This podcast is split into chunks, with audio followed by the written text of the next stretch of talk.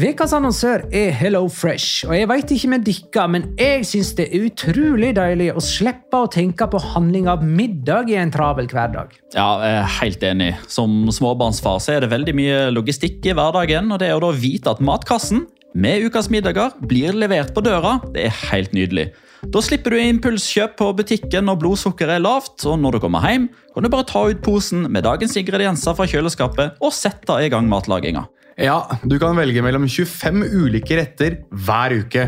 Og de har faktisk en egen kategori som heter Raskt og enkelt, med masse enkle og gode oppskrifter. Veldig greit å ikke måtte ty til takeaway hver gang det er hektisk på jobb.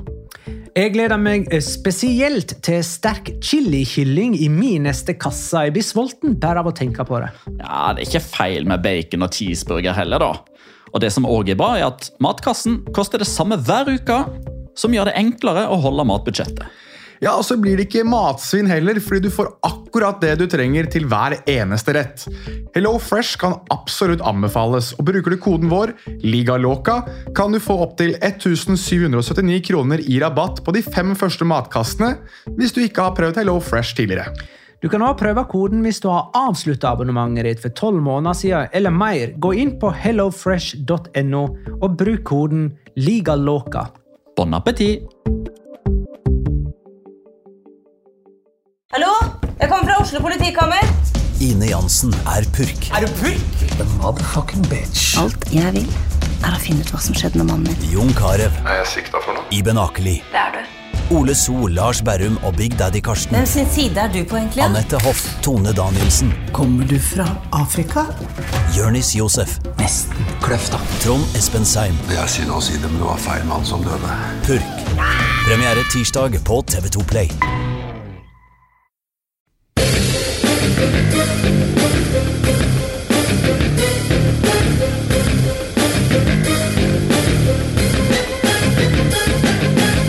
Har?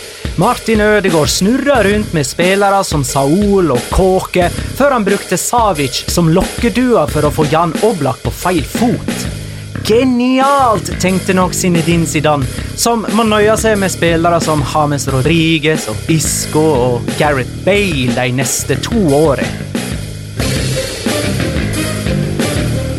La liga loca. En litt gærnere fotball. Ja, ja, ja, ja, ja. Dette er La Liga Loca, episode nummer 83 av det ordinære slaget med meg, Magnar Kvalvik, hei. Og deg, Petter Veland, hei. Hei. Og Jonas Giæver, hei.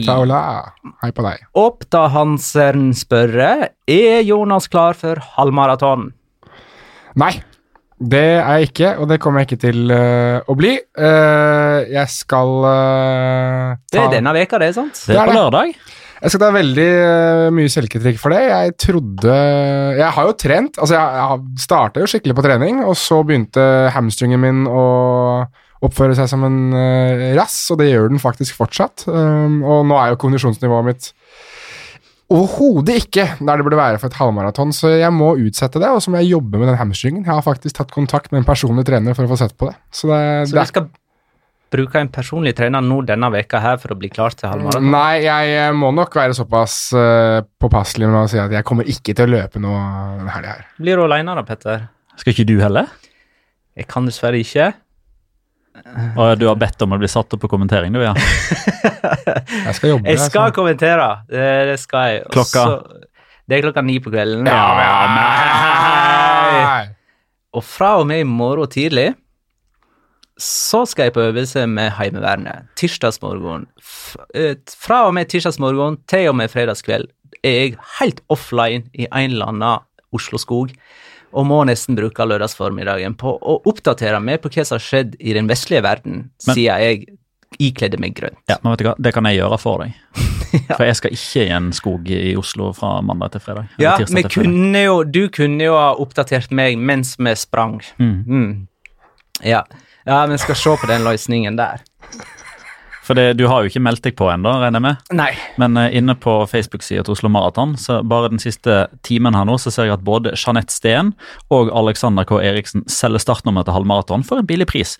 Så det går fortsatt. Det koster penger òg, ja. Ja, men det jeg kan betale for det, hvis det er det, som, uh, hvis det, er det det står på. I denne episoden av La Liga Loca skal vi snakke om det som med. skjedde på Anueta, der en viss nordmann uh, eh, skaffa seg overskrifter. Jeg tenker på Jonas Giæver, som jo var til stades. Han var Eh, stjerna i mikseren. Vi skal snakke om det som skjedde på eh, Kamp Nou, og dagene før oppgjøret på Kamp Nou. Det var først og fremst rundt Mestalla. da. Eh, og så blir det et storoppgjør neste helg på Ramón Sánchez Pijuan, der serieleder Sevilla tar imot eh, gamleklubben til treneren sin, eh, Lopetegi. Altså Real Madrid kommer på besøk eh, til Sevilla. Men første runden som eh, var, eh, Mallorca Athletic sparka i gang serierunde nummer fire med 0-0 på Son Moix. I løpet av de siste 15 minutter fikk begge lag straffe. Begge lot innbytter ta straffen, og begge bomma. Uh, Adoris var en av de som bomma, vet du. Mm, han var en av de du har hatt som uh, rundens spiller, vet du det? Ja, uh, og siden så har det gått ad undas. Yes. Uh, av aktive spillere er Messi den eneste med flere straffebom enn Adoris. Messi har 11, Adoris 9. Adoris er vel en som er nummer to etter Lionel Messi av aktive spillere som fortsatt er i La Liga med mål, er det ikke det? Er det ikke Messi 1, Adoris 2? Ja, snart Benzema. Ja. Men mm. enn så lenge så er han vel nummer to. Apropos Benzema, Real Madrid levante 3-2 lørdagsmorgen, kaller vi det. Klokka ett. Faktisk den første skal vi kalle det morgenkampen. da. Real Ja. Madrid vinner av seks. De fem foregående på hjemmebane så hadde de ikke klart å vinne. Blant annet eh, avgitt poeng og tapt mot Girona, Levante, forrige Ja, jeg skulle til å si Levante avga de mot sist gang, så mm. ja, det var bra kamp av dem òg. Det var Levante nå òg, ja. Ingen bortelag har klart å komme tilbake fra 3-0 til 3-3 på Santiago Bernabeu, men Levante var nære. Thibaut Courtois stoppet jo det fra å skje. Robin Beso. Det hadde vært en opphenting for historiebøkene, men det ble bare nesten. Litt seinere lørdagen Leganes Viareal 0-3. To mål av Gerard Moreno, som er toppskårer i La Liga med fem mål på fire seriekamper. Og så skårer han vel òg i siste serierunde forrige sesong. to, mm. Det er to siste rundene forrige sesong. Nei, den siste. Den siste. Ja. Uh, dette var Viareal sin første seier, på tross av at de har skåra nest flest mål av alle lag så langt. Ti mål mot Barcelonas tolv. Så det er for øvrig klubbrekordet da, for Gerard Moreno. Mål i fem La Liga-kamper på rad. Ja. Av Diego Forlan fra Ja, 2005. Stemmer. Yes. Leganes er eneste lag uten poeng. Real Sociedad Atletico Madrid 2-0. Atletico hadde ni av ni før de tapte på et ferdigstilt moderne Anoeta. Ødegaard er toppskårer for Real Sociedad med to mål. I tillegg skåra en annen nyervervelse, Nacho Monreal, for en dag. Vi kommer tilbake til det. Barcelona, Valencia 5-2. Ansu Fati starta, skåra og assisterte. Der kan vi være vitne til starten på noe virkelig stort. Ansu Fati ikke kommer til, han kommer ikke til å spille et eneste minutt etter denne kampen. Barcelona har vunnet begge sine heimekamper 5-2 mot sjøldestruktive lag som Real Betis og Valencia. Godt poeng. Ja. Eibar Español 1-2. Det var tidlig kampen søndag. Første seier for Español som snudde kampen, mens Eibar står med ett poeng etter fire seriekamper, noe som er den dårligste starten i deres La Liga-historie. Og det tror jeg kanskje er den kampen jeg kan erindre der innbytterne har hatt Ja. størst impact. Eh, altså, Ivan Ramis sendte jo Eibar i ledelsen, og så gikk han av banen med skade. Og ti sekunder etterpå så er det 1-1, og da er det innbytter Mathias Vargas som har eh, målgiverne. Og bare et par minutter etterpå så er det jo da innbytter Sergio Alvarez som kom inn for Ramis, som driter seg ut. Og hvem skårer vinnermålet? Er innbytter. innbytter Esteban Granero. Som med sin første touch vel også. Han hadde vidt vært på banen. Jeg hadde nesten glemt ja, at Esteban Granero levde. Eh, en Ja, pirata som kom inn og Det var en fin påminnelse om hans eh, aktive fotballkarriere. Nei, men han, han, En gang i tiden så var jo han en Ja. i hvert fall jeg hadde kjempetro på at skulle i hvert fall ikke nødvendigvis bli en veldig solid landslagsspiller, men i hvert fall være i noen tropper her og der, og kanskje være litt, litt lik Dani Parejo på noen, noen vis. skulle akkurat til å si det, for de har jo gått noenlunde samme vei. Ja, riktig. Med både Men- Retafe og QPR. Og Ja, riktig. Parejo har ikke vært så skadeplaga, eh, og, og har kommet lenger. Ja. får man si. Alaves Sevilla 0-1. Sevilla topper La Liga, og det etter å ha hatt t- eh, De har vunnet eh, sine tre første bortekamper eh, for første gang, så vidt jeg har forstått. Og uten å slippe inn mål i tillegg. Og uten å slippe inn mål. Det er Altså, de har, de har spilt fire runder, og tre av dem har vært borte. Da må jeg slenge inn uh, for å skyte ned at eh, John Jordan er tidlig tidlig kandidat til uh, årets signering. altså. Fytte rakkeren så god han har vært i serieåpninga. I den kampen her er han enestående. Det er greit nok at han skårer frispark også, men han er helt outstanding på midtbanen. Ja, for det, det, Dette vet du, for denne kampen så du uten noe som helst form for forstyrrelser, eh, la jeg merke til. Nei, det var, Der var det så rolig som det kunne få blitt i badekaret i, på Hotell Anueta, rett utenfor stadion. Ja. Der lå jeg med en cola og så kampen. S trodde du skulle til å si kona. Eh, det hadde jeg stussa på. Det hadde vært nytt. Celta Vigo Granada 0-2. Eh, Sjøldestruktive Celta Vigo med to røde kort før halvtimen. Og i løpet av den siste timen så skåra Granada to, og har dermed skåra ni mål på tre bortekamper, flest av alle på bortebane. De er oppe på sjetteplass. Valladolid og Sassona 1-1, og Sassona er ett av fire lag uten tap. Eh, forrige sesong så hadde jo Valladolid eh, Daniele Verde til å skåre vanvittige langskudd. Nå har de Pablo Ervias. Der har du frisparkmål. Der har du frispørsmål. Uh, og det som runda av uh, runden, var Real Betis eh, Getafe. Du glemte å si sjøldestruktive. Uh, jeg nevnte sjøldestruktive Real Betis i forbindelse med Barcelonas 5-2-seier over Ja, og så kan du understreke det nå, da, tenkte jeg, siden de da Ja, ja. Igjen. Sjøldestruktive Real Betis. Getafe 1-1. Eh, her spilte da Getafe i 65 minutter med én mann mer, men fikk likevel ikke sin første seier for sesongen. De går nå ut i Europaligaen kommende uke uten en eneste trepoenger i La Liga. Skal vi ta dette litt nærmere i detalj? Ja! Det er gøy. Eh, vi kan begynne på Anueta, da. Ja. Eh, der eh, jeg, eh, jeg, jeg har en erkjennelse. Jeg trodde ikke Martin Ødegaard skulle være så god så kjapt i Real Sociedad. Jeg hevda vel til og med at det var litt urettferdig å sammenligne han med Felix før denne kampen, for vi snakka jo om Vi hadde en slags preview til denne kampen i forrige episode. Er det bare jeg, eller? Som Nei, er overraska? Nei, altså jeg er jo på en måte veldig overrasket over at det har gått så bra, men på en annen måte så Av å ha snakket med ham og liksom blitt litt kjent med hans spillestil og hvordan han var på slutten av sesongen i, i Fites, så, så var det en del av meg som tenkte at dette kan jo gå ganske bra òg, men det har jo gått over absolutt all forventning. og å ha vært på Anueta og sett kampen og på en måte fått med meg litt reaksjoner rundt ham og fra journalister og, og folk rundt klubben, så er det nesten litt sånn sjokk og vantro fra de også, rundt at det har gått såpass bra som det har. For det, det, litt, det litt morsomme er det at det, folk eh, det, det at han er nordmann, er, er så veldig oppsiktsvekkende. For det er liksom Hadde han vært argentiner, eller hadde han vært eh, serber, eller noe sånt en, en nasjon, spanjol, en nasjon som han er vant med i La Liga, eh, så hadde det vært litt Ok, men siden det er en nordmann, en som kommer fra Skandinavia, så er det veldig veldig oppsiktsvekkende. Og det er jo fryktelig gøy, da. Og for hans del altså, Jeg trodde etter den første halvtimen da, da skjedde det ikke sånn kjempemye. og Da tenkte jeg at åh, nå kommer Atletic, Atletico til å legge seg dypt, og så kommer han til å slite med å komme inn i kampen slik han som skjedde mot Atletic.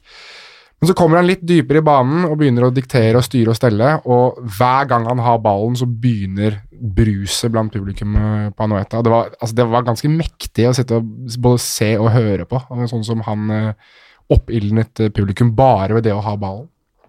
Så interessant å se da at, eh, at både han som enkeltspiller og Real Sociedad som kollektiv og Imanol Alguacil som trener da lærer av erfaringene sine. For de ble jo slengt litt veggimellom eh, av voksne karer fra litt lenger eh, sør-vest i Baskaland, Atletic, for to uker tilbake igjen. Og dette var jo en ka altså kategorisert som litt samme type kamp. da.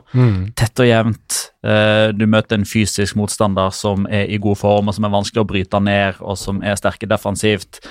Eh, og de første 10-15 så så det ut til at det kunne bli litt det samme. Eh, bare at Atletico Madrid sto ikke like høyt og tok ikke like mye kvelertak på kampen, sånn som Atletic gjorde foran egne supportere. Men de første 10-15 minuttene der så så han litt litt sånn rådvill ut og tenkte ok, hvordan, eh, hvordan skal jeg finne rom? Og jo, han fant jo rom da ved å trekke seg litt dypere i, i banen. Ødegaard, ja. Mm. ja.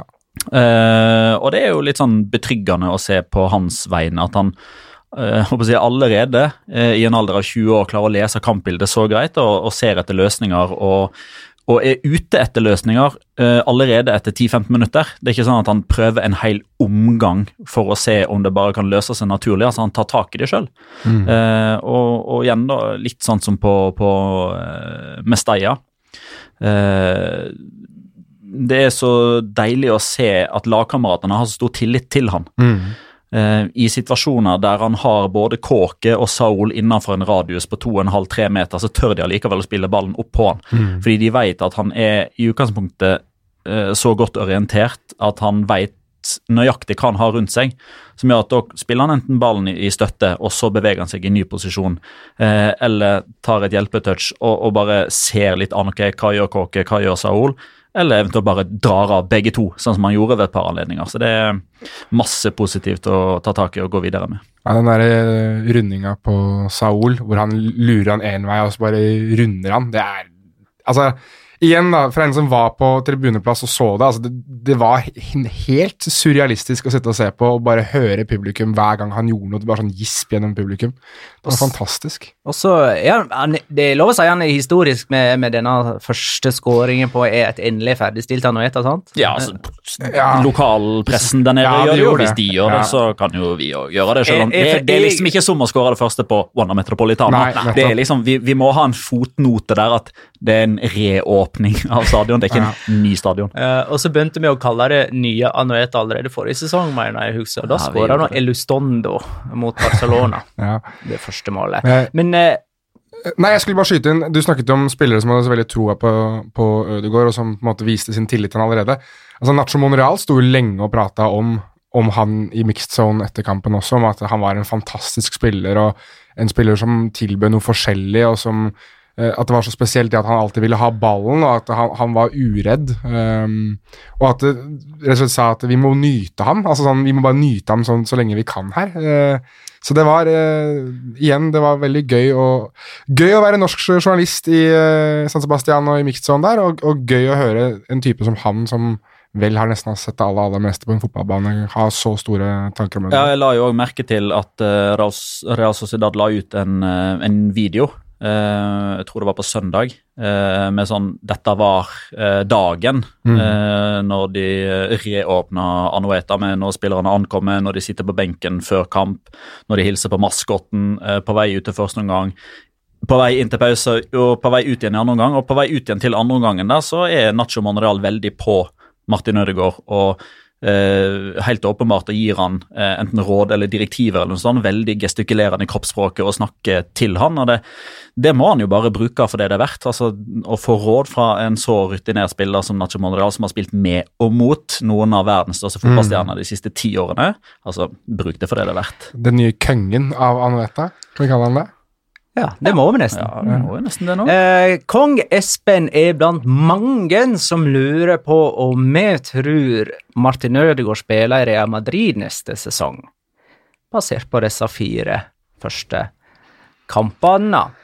Eh, og, og ja, en av mange som spør om dette, og vi har jo sett i, i landsdekkende medier også, har ikke vi det det siste døgnet, at, den der, at man begynner å hinte om at eh, nå må jo Real Madrid hente han tilbake etter halvparten av eh, den lånetiden som er avtalt. Og jeg har lyst til å komme med et oppfølgingsspørsmål. Er vi i ferd med å miste det, sånn som vi gjorde da han først signerte for Real Madrid i, for fire år siden, og vi trodde han skulle bli nummer 16? Ja, Det er det jeg er litt redd for, at vi må holde tunga litt i Altså, jeg tenker vi, vi må la uh, Altså, vi må på hans vegne og på norsk fotballs vegne bare nyte av det at han er god mot Atletico Madrid uten at vi trenger å dra det så veldig mye lenger. Uh, altså, jeg, jeg satt jo i VGTV sitt studio på lørdag og fulgte kampen, og dro jo da en parallell til For jeg fikk spørsmål altså kunne Martin Ødegaard spilt for Real Madrid nå, fordi da hadde Real, Madrid spilt uh, tidligere på dagen. Og svaret mitt da var ja, på bakgrunn av at Real Madrid får en ny skada spiller hver trening, bortimot, så nå er de nede på tannkjøttet. Så hvis Martin Ødegaard hadde vært Real Madrid-spiller 14.9.2019, så hadde han antageligvis starta mot Levante for Real Madrid, men vi stopper, eh, jeg tenker vi stopper der. Og så ser vi hvordan det går. Og så er ikke det sikkert at selv om Martin Ødegaard eh, vil ha en fantastisk sesong i Real Sociedad, la oss si, tenkt hypotetisk at han skårer åtte mål og har sju målgivende og er liksom nominert til uh, sesongens lag, og folk trekker han fram som den beste spilleren for Real Sociedad. Skulle det skje, ja, flott. Da er det kanskje bra at han er der en sesong til, da. Men det kommer jo litt an på hva som skjer sommeren 2020. Da, så vi må ikke glemme Det at det er allerede mange spillere som er der. De har andre spillere som er på utlån. altså Dani Ceballos, f.eks. Hva skjer med han? Så jeg tenker nå puster vi med magen. Og så nyter vi heller dette her. Jeg kan komme med hans svar på det. For jeg stilte han det spørsmålet i etter, Det er jo mye mer interessant. Etter kampen. Ja, det er jo litt interessant. Jeg har, har ikke skrevet noen lang sak om det, for svaret var jo egentlig det man har hørt litt før. Han sier selv at uh, altså det, det, er en mulighet der. Altså Muligheten for at han kan gå til Real Madrid er der etter sesongen. I avtalen. Ja. I avtalen, Men det er fordi ifølge altså spansk overgangslov da, så kan han ikke signere lån på to år. Det er én pluss én. Altså, mm. Han må lånes ut det året her, og så må han signere en ny lånekontrakt et år til. Men det er jo allerede avtalt, slik jeg forsto det på ham. Så hans plan, og han snakker jo om det å håpe at det er europacupspill på Anueta neste sesong, og snakker veldig allerede om at han skal være der neste sesong, og er jo veldig happy og fornøyd i, eh, i San Sebastian. Sier at han har funnet seg til rette, og at det kjennes ut som han har kjøpt hus. Kjøpt hus har han, og, og det som er. Så han, han, har det jo veldig, veldig fint der. Så han sier selv at i teorien ja, han kan gå til Real Madrid neste sommer, men rent praktisk og med tanke på den langtidssatsingen han selv tilsynelatende har lagt opp for seg selv, så tror jeg det nesten er Jeg vil si at det er 95% sikkert at han spiller for Real Sociedad neste sesong også. Og ellers så uh, var jo det vi så av Real Sociedad i deres første heimekamp, akkurat på nivå med det, med det vi hadde trodd og håpa uh, på vegne av Real Sociedad før denne sesongen, eller? For altså, jeg mener, jeg syns Porto sprudla, og Oyarzabal Isak var Isak med fra kjempegod. start. Mikkel Merino hadde full kontroll på ja. Og Sobeldia, som jo kom inn og erstatta Eller på en måte var skyvd opp i midtbaneledd for å erstatte Iaramendi. Altså, mm. Det er jo spennende og artige spillere å se på her. Det er det. Vi hadde det vel Ja, vi bikka vel akkurat uh, Var det syv eller åtte vi hadde de på? det var rett bak Atletic. Rett bak Europacupplassen. Ja. Uh, fordi vi mente Atletic skulle ta den. Så sånn sett nå så er det litt sånn spot on, for Atletic er jo hakket foran, men det er altså Zidane overbeviser. Uh, og det er klart at det, Av de fire første kampene så har de jo spilt tre bortekamper. De har allerede møtt to av de som spiller Champions League for La Liga denne sesongen. Uh, og den, uh, den, kampen de tapte, er et Basca-derby, som for så vidt er formildende omstendighet. For i, i, i det Basca-derbyet, Ja, riktignok de var dårligere. Det var helt fortjent at de tapte, men det er en kamp som lever litt sånn sitt eget liv. Den er vanskelig. Og håper si, den i hermetegn og enkleste kampen de har hatt, er liksom på bortebane mot et nyopprykka hjemmelag med den entusiasmen som de hadde til serierunde to, i og med at de vant den første hjemmekampen. Mm. Uh, så jeg tenker at sju poeng etter de fire kampene her er meget bra. Uh, hva sa Simione om Sjau Felix etter at han hadde blitt bytta ut? Jeg, jeg syns det så en plass at han sa noe sånt som enkelte tenåringer må tåle å ta mer ansvar. Det kan hende det ikke var Simione som sa det. Det var jeg, ikke Alguacil, for jeg rakk ikke Simione Nei, ikke Alguacil. Nei, det var jeg, iallfall ikke. Jeg tipper at det var Simione. Han var i hvert fall Han var forbanna etter kampen. Altså. Simione? Ja, han satt, ikke, han satt der ikke lenge. Han Nei. virka veldig Så fort det ble stille to sekunder i pressesalen der, så reiste han seg opp og bare gikk. Så han var ikke fornøyd etter kampen. Men det er lov å både være begeistra for eh, det Real Sociedad presterte, og skuffa over det Atletico presterer. Mm. Jeg synes det var veldig skuffende. Altså Spesielt Joao Felix hadde jo jeg gledet meg veldig til å se. da, For jeg trodde at eh, Eller tror fortsatt at det, det, er noe veldig unikt og veldig spennende med ham. Men han kom ikke til sin rett i den kampen her i det hele tatt. Jeg tror at han ble spillende litt for bredt, altså litt for mye ut på kant, og, og fant ikke de rommene i mellomleddet som han uh, gjerne prøver å oppsøke. og, og de Uh, connectionene da, med typer sånn Trippier Forbindelsene. Forbindelsene, ja, takk for det. Litt sliten, jeg har vært oppe en del timer, men uh, de forbindelsene med bl.a. Trippier og sånt, som han har vært god på tidligere, de, de var ikke der i like, stø, i like stor grad den kampen, uh, den kampen her. Så det kan jo være at dette var hans ilddåp, da. Hvis du kan si at, at San Mames var Ødegaards ilddåp, så er det kanskje dette Joao Felix' ilddåp. Det var Simione som sa det. Ja. Mm. ja, for eh, det er den vanskeligste kampen Atletico har hatt Mm. til nå. Og så kommer jo Juventus, da, som den vanskeligste kampen de har hatt til gøy, nå. det blir gøy da når du får den nye eh, Mm. eller altså den nye portugisiske stjerna, Joa Felix, mot den gamle kongen Cristiano Ronaldo. Det blir eh, supergøy. CR7 mot eh, JF7. Ja, riktig. Han spiller jo med, med syv, han nå. Han hadde vel, hva han hadde for noe i Benfica? Noe sånn superhøyt nummer, hadde han ikke? 93 eller noe sånt? Nei, Jeg klarer ikke å forholde meg til sånne dager. Jeg tror det er det han hadde. 93. Det blir for høye tall for eh, Petter. Der er det 1 til 25. Hvis ikke så er du B-lagsspiller. Da hopper vi videre til det som skjedde på uh, 79 for nå. øvrig. Ja, sorry. Beklager. Ja. Eh, en eh, 16-åring eh, der, altså.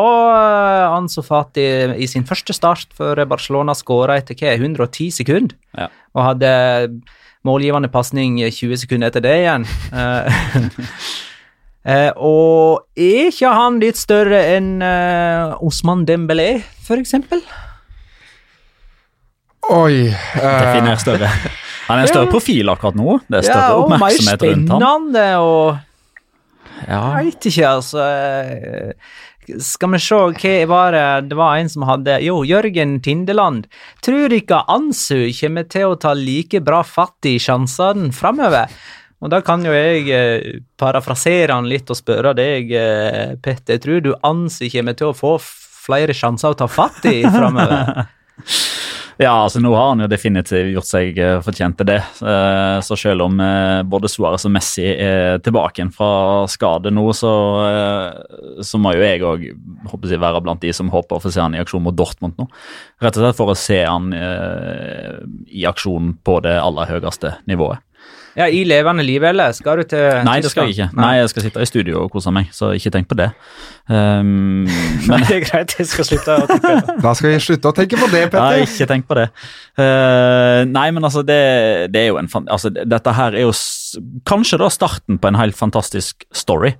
Fordi, altså Ja, jeg tok dundrende feil i at Fati eh, ikke eh, Eller han, han fikk spille mer etter det første innhoppet. Altså, henda opp, eh, der tok jeg feil.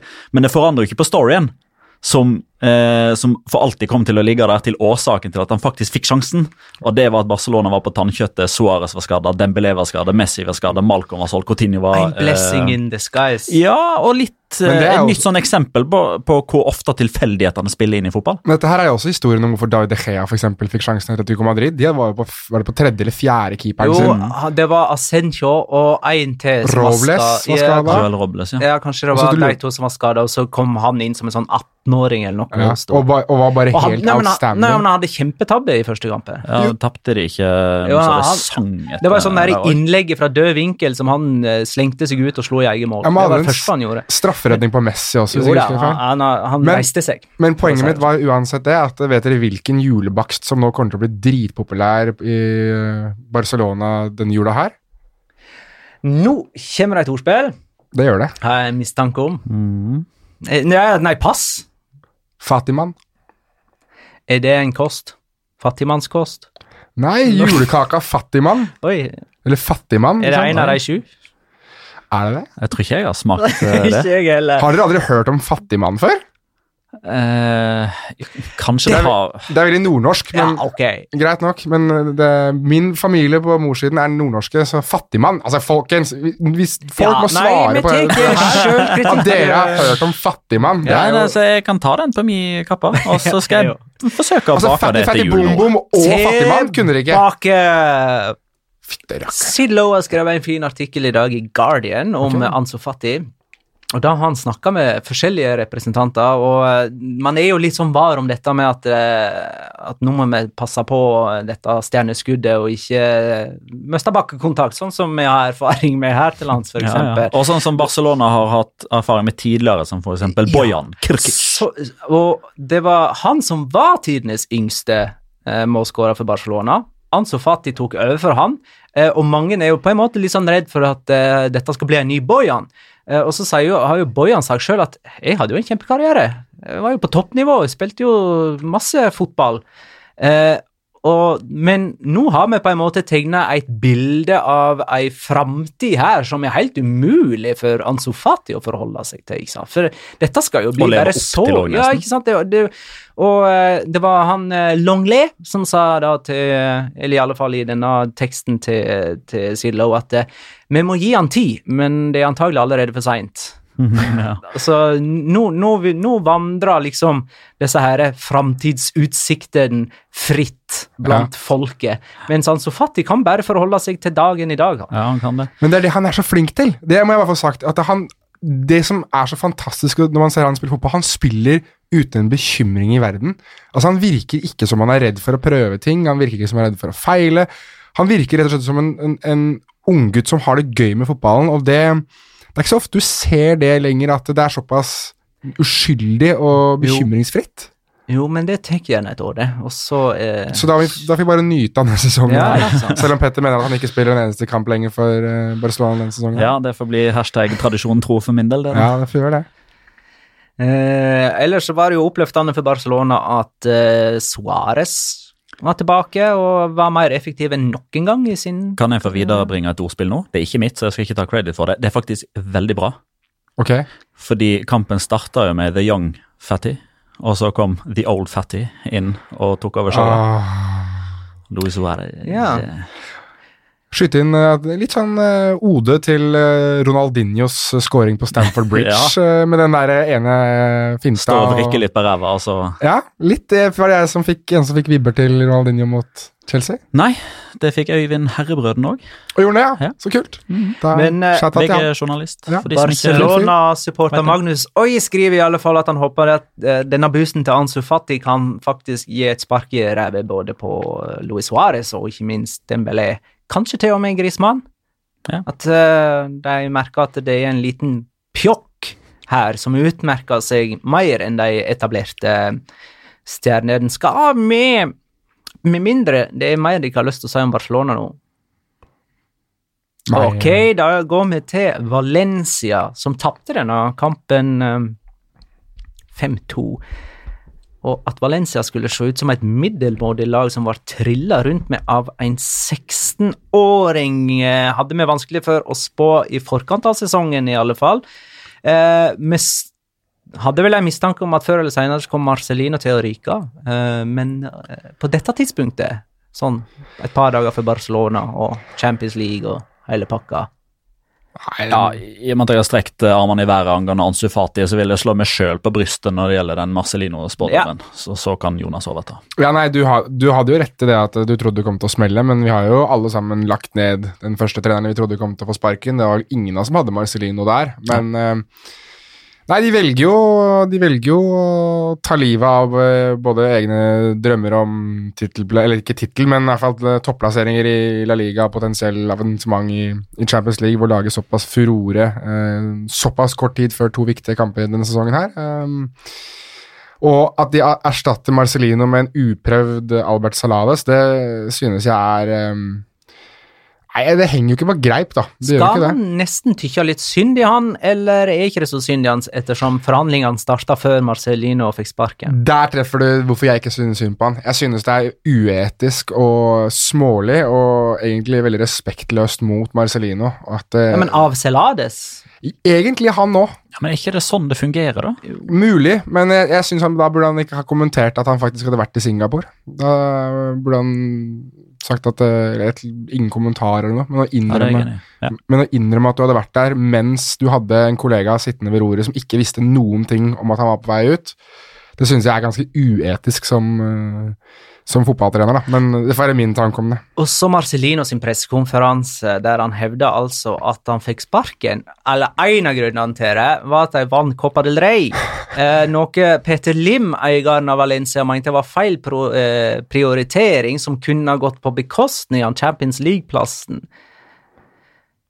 Ja. Eh, og er det et tegn i tiden, eller Altså, jeg mener det, det er faktisk ikke en helt fjern, ny tanke Peter Lim presenterer. Nei, på At det liksom ikke. Drit i cupen, la oss ta den fjerdeplassen.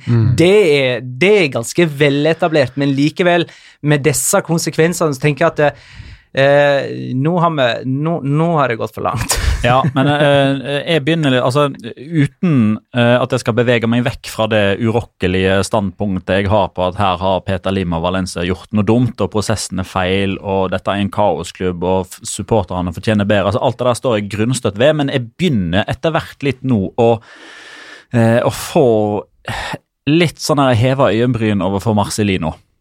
Eh, for det, vi, vi, jeg har i alle fall eh, jeg, glemt det midt oppi det hele. Eh, I hvert fall akkurat når det sto på som verst. Men nå har tida gått litt, og så har jeg tenkt litt. Så har jeg sett litt hva andre skriver, bl.a. Hans Christian Lange, som alle kjenner til som en Valencia-supporter som ser ting fra alle hold, og som er veldig nyansert, og som ser, ser det hele bildet. Har vi i tillegg hatt Marcelino som trener for min favorittklubb, Viadial, der han òg røyk på bakgrunn av noe utenlandssportslig.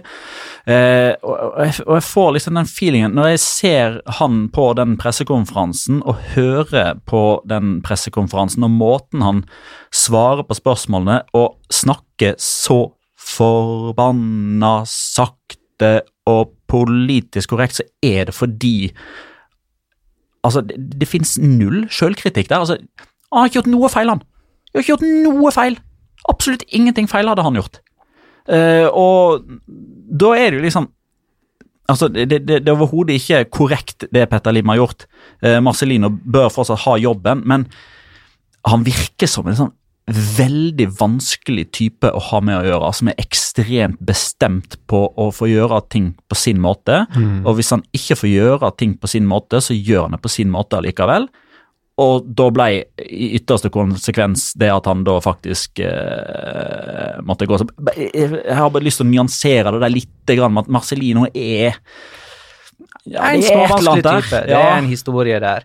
Um, på de siste ti kampene på kamp nå har Valencia stilt med åtte ulike trenere. Oi, herregud. Og to av de har sluppet inn fem mål eller mer, og det er Albert Celades og Gary Neville.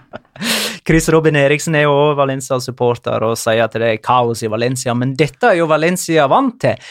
Men nå ser det ut til at den kyndigste brikka i, i ledelsen, eh, Matteo Alemanni, eh, forsvinner òg, og det er Da er, er botten trukket ut, og man bare forsvinner. Da har du jo måtte, dratt vekk hele det Hele grunnlaget. Hele grunnlaget. Altså, Grunnmuren ryker. Ja, den strukturen som ble satt inn i Valencia for å gjøre de litt stabile igjen, er, var jo Alemany og Marcelino. Og, å ta vekk det, spesielt nå i starten av sesongen, at man ikke gjorde det før sesongen, der man på en måte kunne erstattet det på en litt mer skånsom måte, det er jo ekstremt uh, ansvarsløst, men det er vel kanskje litt det begrepet som uh, forringer Valencia aller mest, da. Ansvarsløse. Så det um, Ja. Ja.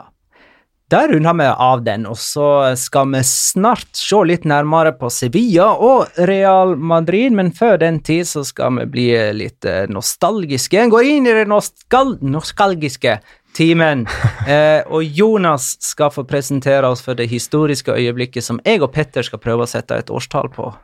Ja, da skal jeg lese opp uh, litt grann her.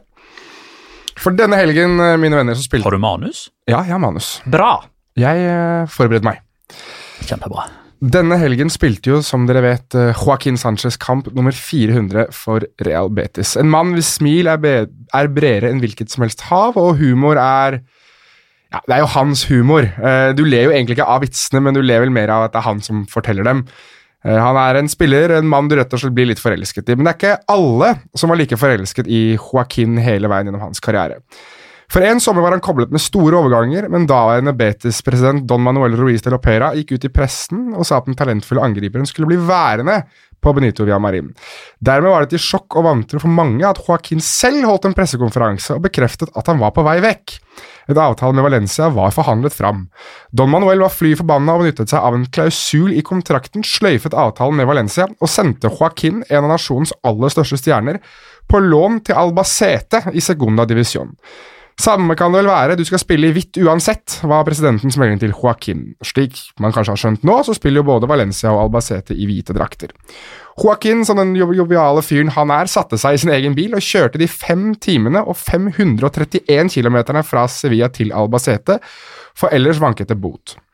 Der ble han møtt med ekstase fra supporterne, men på kontorene til Albacete var det ingen! Dermed fikk han en sikkerhetsvakt til å signere for han har innom klubben, og kjørte like gjerne tilbake til, Valencia, nei, til Sevilla. beklager. Kort tid etter uh, Joaquins lille stunt så ga Don Manuel etter. Han annullerte avtalen med Albacete, og Joaquin fikk til slutt overgangen sin gjennom til Valencia. Spørsmålet her er ikke om Joaquin er en legende, ei er det om han heller, til tross for dette lille oppstyret, er en av de største karakterene både i spansk fotball og Betes historie noensinne. Spørsmålet, mine herrer, er når da? Mm. Hvor tid, hva var det vi fant ut uh, uh, på den aller første nostalgiske timen at Rehabetes rykka ned? Var det 08-09? Mm. Ja, der var ikke Joaquin. Så Nei. det er før jeg. Eh, vi var jo i Valencia og intervjua Joaquin, meg og deg, i Ja. 2011, og da hadde han vært der noen år allerede. Ja. Da tror jeg han hadde vært der i kanskje tre år. Tre år? Tre-fire år. Ja. Da er vi på uh, 08-07-ish, da. 07-06 eh, Kan dette her ha vært før eller etter han høvla Luis Aragones og spilte sin siste landskamp? Det tror jeg var i 2006. Var han eh, med og spilte i Champions League? Vrea Betis var eh, i Champions League et av disse Ja, årene. og da på- spilte de mot Chelsea. Spilte man Liverpool òg, mener jeg? Mm. Jeg kan ikke, jeg kan ikke huske. Jeg, jeg tror jeg sier 2007. Ja, jeg er tilbøyelig til å være enig. Skal vi si det? Ja. 2007. Svar avgitt. Det er feil. Eh, Dette var sommeren 2006. Ja, det var ikke langt unna, da. Nei, vi tåler et års Vi feil. tåler det. Ja, det var bedre enn de 30 årene vi bomma sist. Veit du for øvrig hvorfor, Jonas, at uh, Joaquin legger ut disse uh, funny storiesene sine til natt, på nattestid? Er ikke fordi han har insomnia eller noe Det sånt? er da? helt riktig. Det lærte jeg av Guillaume Ballagé under kommenteringen av Betis Retafe, for det sliter visst han med òg. Og den måten han da enten får stimuli eller blir trøtt eller et eller annet sånt, da, det er å legge ut stories på Instagram. Da er vi tre. Jeg har sliter også med lett, lettere symptomer av insomnia, ifølge min fastlege. Ha! Ja. Så det er mange interessante Insta-storyer der òg, da. Nei, Jeg er ikke så mye morsom Insta-stories. Jeg er vel mer eh, ja, men, men Joaquin, hvis man ikke har han på Instagram, så er det en must follow. Han er hysterisk, selv om du ikke skjønner bæret av hva han sier. Skårer 21 sesonger på rad nå. Han, 21 Ja, i- sesonger på på, rad. på toppnivået. da han skåret sitt første mål i La Liga, så var ikke Ansu Fati født. Den er fin. Det er ganske Skal vi gå til Betis sin byrival Sevilla, som toppa La Liga etter fire runder. Lopetegi har starta denne sesongen like godt som Sevilla-trener som forrige sesong eh, som Real Madrid-trener. Det vil si at eh, det er halvannen måned igjen til han får sparken. Eh, Det er ti poeng etter fire seriekamper. Real Madrid har åtte. Disse møtes nå altså på eh, Ramón Sánchez Pijuan søndag eh, kveld. Eh, jeg nevnte det at det er første gang Sevilla har tre borteseiere på rad, sant? men de vant jo ikke heimekampen sin mot Celta Vigo. Ja, men det var Det var hashtag uflaks, altså. Ja, og jeg hadde jo tenkt å si også nå at eh, plutselig så har Sevilla begynt å vinne kamper 1-0, som jo er en kjempeegenskap som Sevilla aldri har hatt. Da tenkte jeg komme på det med Celta Vigo. De leda 1-0, og så ble det 1-1, og så var det poengtap der. Jo, men uh, Hordan sitt mål uh, vekker jo uh, oppsikt. Eh, Det er jo av en litt annen årsak da, at jeg syns det var gøy, den skåringa. Hvorfor det? Jeg vet ikke om det, Kanskje du skal fram til det, men Nei, eh, altså, nei. Nei, jeg synes jo det var eh, fryktelig moro med Lucas Ocampos, som så ut som han var på en eller annen rappkonsert. Og Put det. your hands in the air and wave them like you just don't care. Han sto en meter framfor muren og prøvde å forsvare Nei, og skygga for keeper og sånne ting. Og det gikk jo, fordi Pacheco flyttet seg jo ikke en meter. Nei, han kan ikke ha sett noe ting. Nei. Uh, men Erik Hasselknippe spør eh, hvor god er egentlig Hvem? Juan Hordan. Hasselknippe. Så kult. Ja, ja. Det er nå det som står. Hasselknippe. Det er Jeg, det som jeg står. håper det er etternavnet hans. Eh, Hvor god er egentlig Juan Jordan, og det er frisparket? Altså, Jo, men altså, han har vært forskjellen, utgjort forskjellen, har ikke han det? Ja, ja, ja, og ofte forskjellen for Eibar forrige sesong òg, og ble jo trukket fram som en som vi snakka om ganske jevnlig forrige sesong. Eh, nå har jeg ikke alle episodene transkribert i hodet mitt akkurat nå, men eh, John Jordan har vokst seg fram som en, eh, som en favoritt, og han, han ble jo ganske tidlig klar for Sevilla òg. Han var en av de første som ble klar. Han var vel egentlig den som gjorde at vi egentlig begynte å fri oss litt fra tanken om at de henta Sander Berge Ja. snakka Ja. vi om i løpet av sommeren òg, hvis jeg ikke husker helt feil. Uh, og er så fryktelig god, altså toveisspiller. Uh, og jeg lurer på om det var det jeg trakk fram etter den første Jeg husker ikke om det er etter den første eller andre kampen, men det samarbeidet han har med Fernando, med hvem som går, og, og hvordan de to jobber sammen, med Banega rett foran, som har fått en litt sånn friere rolle, som oftere er ute på sidene. Eh, og noe av det som jeg syns er styrken til Ever Banega, er jo å sette opp lagkamerater. Og nå gjør han det ikke bare fra sentralt i banen, men han gjør det litt sånn fra overalt. Eh, og når du da har Navas på høyre og Regilon på venstre som bare kommer og kommer og kommer, så begynner dette det begynner å luk- lukte litt bra av dette her, men selvfølgelig vi har vært eh, optimister på vegne av et lag som har starta bra tidligere, og så viser jo historien at dette neppe holder hele veien inn. Eh, men eh, det er jo veldig, veldig lovende, og ikke minst den der stilendringa, da. Med at de nå ikke er dette kaoslaget, men at det er mer kontroll.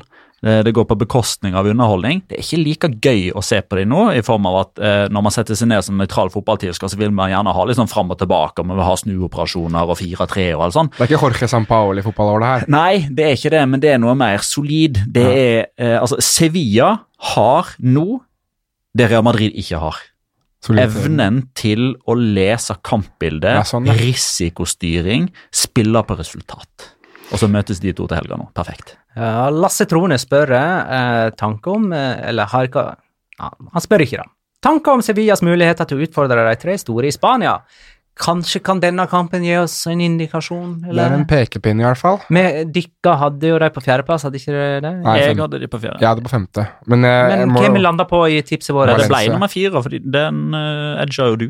Var det jeg som edga den? Nei, han er i- Ja, Edja Valencia Ja, på jeg tror fjerdeplass. jeg eh, Ja, Var ikke det det vi snakka om da? Ok, så vi har, vel, har vi vi Sevilla? har Sevilla på femte. Femte, Ja. så hadde vi Valencia på fjerde. Ja, det, sånn, ja. det var spørsmålet. Mm. Det er greit. Mm. Kan Men jeg, jeg hadde de på fjerde. du hadde de på fjerde. Ja. Kan jeg få skyte inn eh, to ting om uh, veldig kjappe ting om Jordan Jordan? ja. Nummer én, jeg er sur fordi at han ikke spiller med nummer 23 og nummer 24 istedenfor. For det hadde vært kult med Jordan 23 på bak, bakgrunnen av min forelskelse til basketball også. Og nummer to, John Jordan deler bursdag med meg. Vi er begge født 6. juli. Gratulerer med vel overstått. Takk. to år yngre enn meg. Ikke. For eh, Real Madrid denne helgen så skåra jo Benzema to. Uh, og ifølge Pedrito Numeros så har Benzema da skåra 19 seriemål i 2019, mens Messi har 20, og det er de to som har flest. Uh, nå er Benzema helt på Messi-nivå. James Rodriguez hadde målgivende, Venicius hadde målgivende, Assad kom inn og Bale er tilbake fra karantene mot uh, Sevilla. Tenk om de lærer seg å Så- forsvare også. Da kan det jo være det virkelig grunn til optimisme. Ja, Marcelo spiller jo ikke denne kampen, da. Har Er jeg han bekrefta ikke så lenge?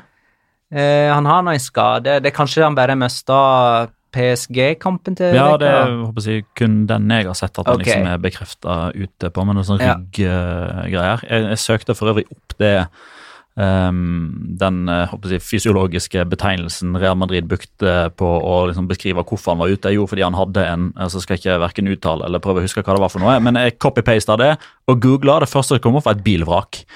Eh, fordi det var ofte noe sånt man sleit med etter en frontkollisjon, eh, kom jeg frem til. Oi! Whiplash. Ja, ja, det var noen ryggreier så jeg eh, noen andre hadde oversatt det til. Det er ikke en sånn Han føyer seg inn i rekka av muskelskader. Det er ikke en muskelskade. Nei, ok.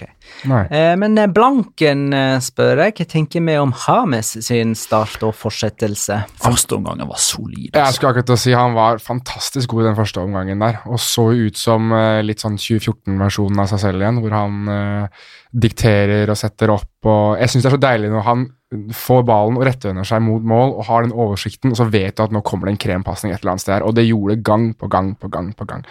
Så og han virker ekstremt innbitt. altså Alle intervjuer og alle mulige sånn drypp man har fått fra liksom Hames-campen, så har han vært veldig veldig overbevist om at han har lyst til å bevise at han er overbevist om å vise. Han er veldig overbevist over at han er god nok for Real Madrid, det er kanskje det jeg burde si. Jo, det er litt sånn med han og Gareth Bale, kanskje, som liksom plutselig har masse å bevise.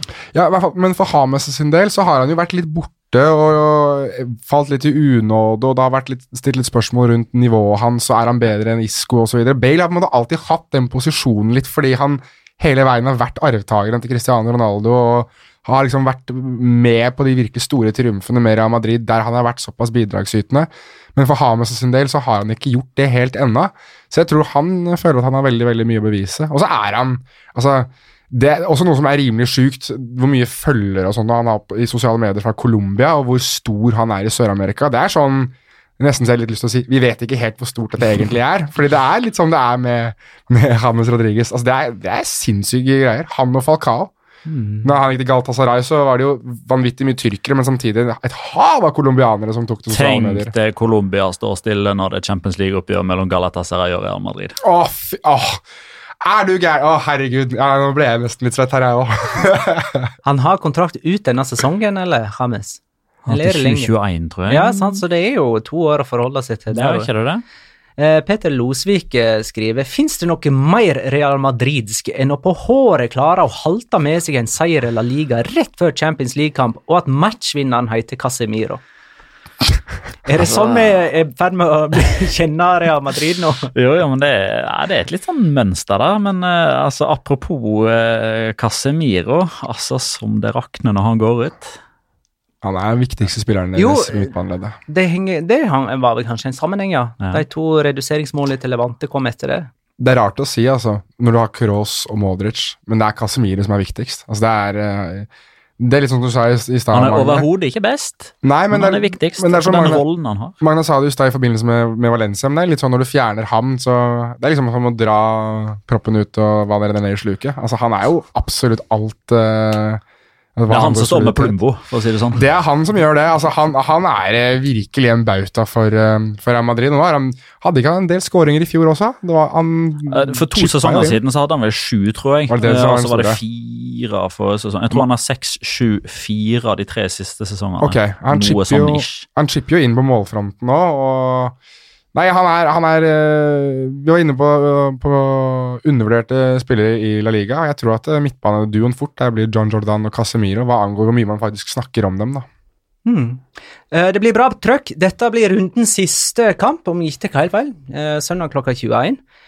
Så det er bare å glede seg til. Vi skal tippe på denne kampen seinere i denne episoden, men nå er det tid for rundens spiller, og det er det jeg som har. Uh, og nå uh, har jo vi satt mål av oss å gå gjennom alle de litterære uh, sjangrene som eksisterer i denne spalta. Har ikke med det. Jeg hadde dikt første gangen. Petter var en slags uh, beatpoet andre gang, og du var en kåsør, eller Jonas, kanskje, kanskje, det var essay du hadde? Det var med essayversjon, ja. Nå er det på tide med noveller. Oi! Oi. Mm. Dette er en tenkt dag i livet til denne rundens rundspiller. Det er fiksjon, basert på virkelige hendelser. Og som alle store diktere tar vi oss kunstneriske friheter, med subtile referanser til andre store kunstverk. Jeg må eh, prøve å trikse litt nå, sånn at musikken denne gangen kommer ca. ti sekunder ut i novella. Vi får se hvordan det går. Eh, dette prøver vi. Hvor hen blei du av i alt mylderet, Buss Aldrin? Jeg havna i en spansk keramikkby der ingen skulle tru at noen kunne bo. Trist som faen. I skyggen av mang en Neil Armstrong står jeg opp hver helg vel vitende om at det er jeg og bare jeg som kan redde dette fartøyet fra havari. Og hva får jeg igjen? Om jeg redder dette drittlaget fra enda et nedrykk, er det alltids en 34-åring som får æra. Denne tilværelsen kan ta knekken på både sjøltillit og sjølbilde og trua på sjølve livet. I fjor, herregud, i fjor var jeg langt nede. Om målet var på størrelse med dass båt, hadde jeg like fullt bomma fra fem meter. Sånn er livet for ubåten sin mest ansvarsfulle matros. Om jeg ikke skårer, kommer spøkelseskladden og blender meg med all slags sot mens han roper nedrykk, nedrykk, nedrykk. At jeg gidder, år inn og år ut. Sånn var det i espanjol. Sånn er det i Villarreal. Jeg fortjener bedre. Jeg burde ha spilt på Atletico, jeg burde ha spilt for Real Madrid, men her er jeg, 27 år og bortjoint på en keramisk togstasjon i en spansk ødemark. Og folk tror Messi har det tøft. At han må bære Barcelona på sine skuldre og være forskjell på suksess og fiasko. Hei, her er en forskjell. Fiasko for Messi betyr en ynkelig ligatittel og en tapt semifinale i Champions League. Om jeg ikke skårer, rykker vi ned. Dessuten kan Barcelona putte innpå 16-åringer som tar all oppmerksomhet fra Gud og hver mann.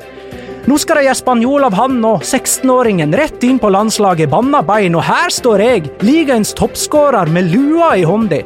I dag skal jeg skåre igjen for en stusslig Beatles-låt. Jeg skal ta den ene pasningen jeg får av Casorla og skru den fuckings ballen i krysset, og så skal jeg skåre en gang til, og når jeg har sikra tre poeng, så skal aviser glemme både 16-åringer og oppskrytte nordmenn og skrive seier til Villarreal takka være Gerard, og så skal jeg bli hylla og båret på gullstol, og folk skal rope med himmelske nødrim og ordspill Genio, Genio, Gerard Moreno. Ja, sikkert. Tilbake på jorda, jeg veit ikke hvor du blei av i alt mylderet, Buzz Aldrin. Trist som faen. Gratulerer og lykke til, Gerard Moreno. Moreno heter han. Ja, det som er trist som faen, er at nå rykker jo Villarreal ned. Genio, genio, genio. Eh, en, en jinx vi har glemt, uh, er jo at jeg uh, ga Atletico La Liga-seier med 15 poeng forrige, i min forrige intro, i forrige episode. Hva skjedde i påfølgende runde? Jo, de tapte 2-0 mot Real Sociedad. Ja. Eh, Da tror jeg vi er kommet til Locora! Ukens La Liga Locura. Locura. Locura. Locura. La Liga Locura. Er det noen som har lyst til å begynne? ja. Dette er en litt sånn eh, sint uh, locora. Fordi vi har, eh, vi som alle andre, snakka en del om eh, VAR og dommere. Det kommer man jo ikke foruten. Og jeg føler at noe av det viktigste når man implementerer dette nye revolusjonære videosystemet, er at man eh, er konsekvent. Og noen ganger så kan det være litt vanskelig å, ha, være konsekvent, fordi det er subjektive vurderinger. Altså, var den foten strak? Var det knotter? Eh, var det for høy eh, fart inn i taklinga? Eh, overspilte motstander og ditt og datt. Men da Luka Modric ble utvist i første serierunde, og da Jorge Molina ble utvist i første serierunde, så ble vi fortalt at det var rødt kort. Uansett intensjon, uansett kraft. Tråkker du noen på hælen, så skal du belønnes med direkte rødt kort. Sånn som Jorge Saenz ble i Celta Vigo mot Granada denne søndagen. Men ikke Maxi Gomez, som er den styggeste situasjonen av alle. Som kunne ha endt høsten, kanskje sesongen, for Clement Langlais. Nei da, den, den tar vi ikke. Nei da. Så nå veit vi hvem som avgjør for Valencia mot Leganes neste helg. da satt jeg og lurte på Var dette en sånn regel de skulle liksom bare gjøre folk oppmerksom på i begynnelsen, og så bare avtar det mer og mer? Hvis de da ikke hadde tatt Jorge Sanz på søndagen, så kunne ja, jeg tenkt de i samme bane, men så går de liksom tilbake og så tar de den, Og så er som det, er den minst uskyldige av de alle. og så er det Eller mange, mest, mest uskyldige. Det er mange i spansk media som tar denne saken her òg, Ja. og liksom peker på dommere og liksom Hvorfor ble ikke dette rødt kort? Men kan jeg få ta neste, da, siden vi er på Maxi Gomez? Ja da, kjør på. Eh, som en oppfølging til min forrige lokora, der eh, Gareth Bale jo henta ballen ut etter, av målet etter å ha skåra fem sekunder før pause til 1-1 mot Villarreal. Um, det som skjedde i, på kamp nå, var jo at Barcelona leda 5-1, og så reduserte Maxi Gomez på overtid, og Håkon Foss Liverud spør meg hva syns deg om at Maxi Gomez henta ballen i mål og sprang tilbake til midtsirkelen etter 5-2-skåringen på overtid, hadde Gomez tru på 5-5. Uh, og her tror jeg kanskje Maxi Gomez runder det der med å hente ballen i det meningsløses navn. Um, Ja, fordi vi, vi forsvarte kanskje Bay litt grann med at han skulle liksom sende et signal til Viareal inntil pause. Ja, eh, at det var en slags kommentar. Ja. Eh, men jeg lurer på om det eh, Det kan være en slags instinktiv kommentarting, dette her, sånn generelt. Maxi Gomez viser vel, når han henter den ballen, at vi er ikke fornøyd. Det, han kan liksom ikke skrike det ut. Eh, det er ingen som hører han hvis han skriker det. Eh, men eh, fortsatt så eh, er jeg veldig i tvil om det med å hente den ballen er noe fotballspillere tenker har en praktisk betydning. Eller så har Maxi Gormans rett og slett bare ordentlig, ordentlig ambisjoner om å bli Pichichi. Også Så han kanskje kunne rekke å skåre ett til før kampen var ferdig. Men jeg, jeg synes jo det var veldig eh, hyggelig for Maxi Gomez å skyte inn en sånn hjertefeiring før han løp inn og hentet ballen i målet og løp tilbake og gliste for det som var. Eh, jeg bare også skyte inn, eh, mens jeg er inne på målfeiringer eh, Jeg er jo fly forbanna over spillere som ikke feirer målene sine. Borja Majoral, du er på min liste nå. Eh, Skårer mot Real Madrid. Eh, altså 1-3-reduseringa. Feiret ikke. Det er greit nok, du har spilt i Real Madrid, men du spiller for nytt lag! Nå kan du feire mot Real Madrid! På lån, da. Det driter jeg i, jeg kan fortsatt feire. Um, Og da han reduserte til 1-3, så føltes det ikke som en betydelig sårende skåring heller. han burde kanskje ha løpt inn i målet og henta ballen, for de hadde muligheten til å få Men 3-3. eh, Ja, din jeg skal jo til eh, en målskårer, jeg òg, som eh, Han fikk jo ikke akkurat feiret skåringen sin, han da, stakkars Facundo Ferreira. Fordi uh, han reduserte, eller utlignet jo til eh, 1-1 for Español uh, mot Eibar. og altså Det er jo et, det er et flott løp av argentineren. Argentina, en runde keeper eh, og en husker ikke helt hvilken forsvarsspiller det er han runder der, men legger ballen i mål. og Han har jo sånn, han halter jo altså Han klarer så vidt å holde seg på beina, men idet ballen ruller over eh, målstreken, så ser det ut som han blir skutt i hamstringen og daler eh, ned i gressteppet og ligger og holder seg noe voldsomt til eh, til eh, benet mens spillerne prøver å feire med han og jule med han, så ber han dem om å komme seg unna, for han trenger hjelp. Det som skjer da, er at han må hjelpes av banen, og det er senere kommet fram at han fikk strekk da han eh, skåret. Så et slags bittersweet eh, moment der. Facundo Ferreira, scoring og strekk i samme øyeblikk. Det er eh, egentlig et slags eh, enhjørning i fotballen. Det er ikke så ofte du ser det. Eh, jeg hadde jeg må bare nett nevne en eh, Locora-backup jeg hadde her, som et forslag fra Dinjo, som spør på en skala fra Strømstad til Stureplan, hvor svensk ser Sergio Ramos ut? Eh, For han ble jo eh, Hva er det han Det er sånn Real Madrid Assembly-greia der Resocios Resosios og sånne ting som samles på en sånn eh, Ja. møte. Ja, klubbmedlemmene. Ja. Eh, der eh, det var en som rekte opp hånda og sa at Sergio Ramos er et dårlig forbilde for Real Madrid, for han ser mer ut som en svensk turist, sånn som han eh, går kledd. Det jeg har jeg ikke fått med deg hva det er. Jo, jeg har Jeg sett den kommentaren. Ja, eh, jeg synes det var litt sånn der moro greie i forbindelse med fotballspillere som eh, tydeligvis, sånn som Ramos, da, prøver å skape seg en merkevare nå på slutten av karrieren for å kunne leve videre som et navn etterpå. Han har jo denne Amazon Prime-dokumentaren sin, han er jo blitt eh, modell eh, i, for ja, klesmodell og greier. Og eh, nå er det folk i Real Madrid som reagerer på dette. Vi får se på utviklingen der. Kanskje ikke noe i det hele tatt. Og så må jeg bare skyte en helt på tampen her. Hernandez Hernandez, eh, som går en hel omgang uten å dele ut kort. Eh, og så kommer det ti i andre omgangen. Fem i samme situasjon. Ja, stemmer. Den var fin. Du og du og du og du og du får gult kort. men det så ut som alle fortjente det. Ja, ja, ja. Men kan jeg, komme, kan jeg bare få skyte inn noe som angående merkevare? Siste. Absolutt siste. Uh, han spilte jo aldri i La Liga, men, jeg, men ettersom du er inne på spillere som vil skape seg merkevare på slutten av karrieren, og kanskje etter endt karriere Husker dere Faustino Asprilla, den colombianske ja. uh, spissen? Han uh, lanserte jo sine egne kondomer han, etter at eh, karrieren var over. Så hvis man eh, var gira, så kunne man kjøpt seg uh, Asprilla-kondomer i Colombia. Ok, da, da kan vi tippe. Eh, Forrige tippekampen var Barcelona-Valencia. Petter hadde 3-1 og Messi som første målskårer. Det er ett poeng, du har seks. Takk. Jonas hadde 3-1 med Messi som første målskårer. Det er ett poeng. Du har fem. Jeg hadde 2-1 til Barcelona med Messi som første målskårer. Det er ett poeng. Jeg har fire. Petter Bjørnar. Sevilla, Nå eh, Sevilla Real Madrid, ja. Sevilla, Real Madrid 2-2. Sergio Ramos. Ramos. Jonas. Sevilla Real Madrid 2-1. 2-1. Uh, Chicharito. Oi. Eh, nei, men nå ble det spennende, for jeg har eh, Sevilla Real Madrid 1-2 og Luke de Jong Oi. Så vi har, du og jeg har spissduell i tillegg òg. Ja, ja, ja. Ja. Eh, antageligvis bare en av de som starter. ja, Så.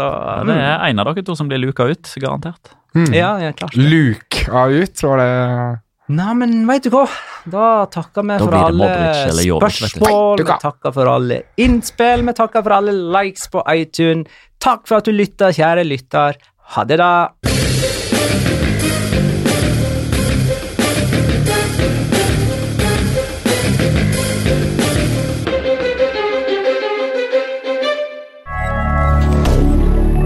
Moderne media. Har du et enkeltpersonforetak eller en liten bedrift? Da er du sikkert lei av å høre meg snakke om hvor enkelt det er med kvitteringer og bilag i fiken, så vi eh, gir oss her, vi. Fordi vi liker enkelt. Fiken superenkelt regnskap.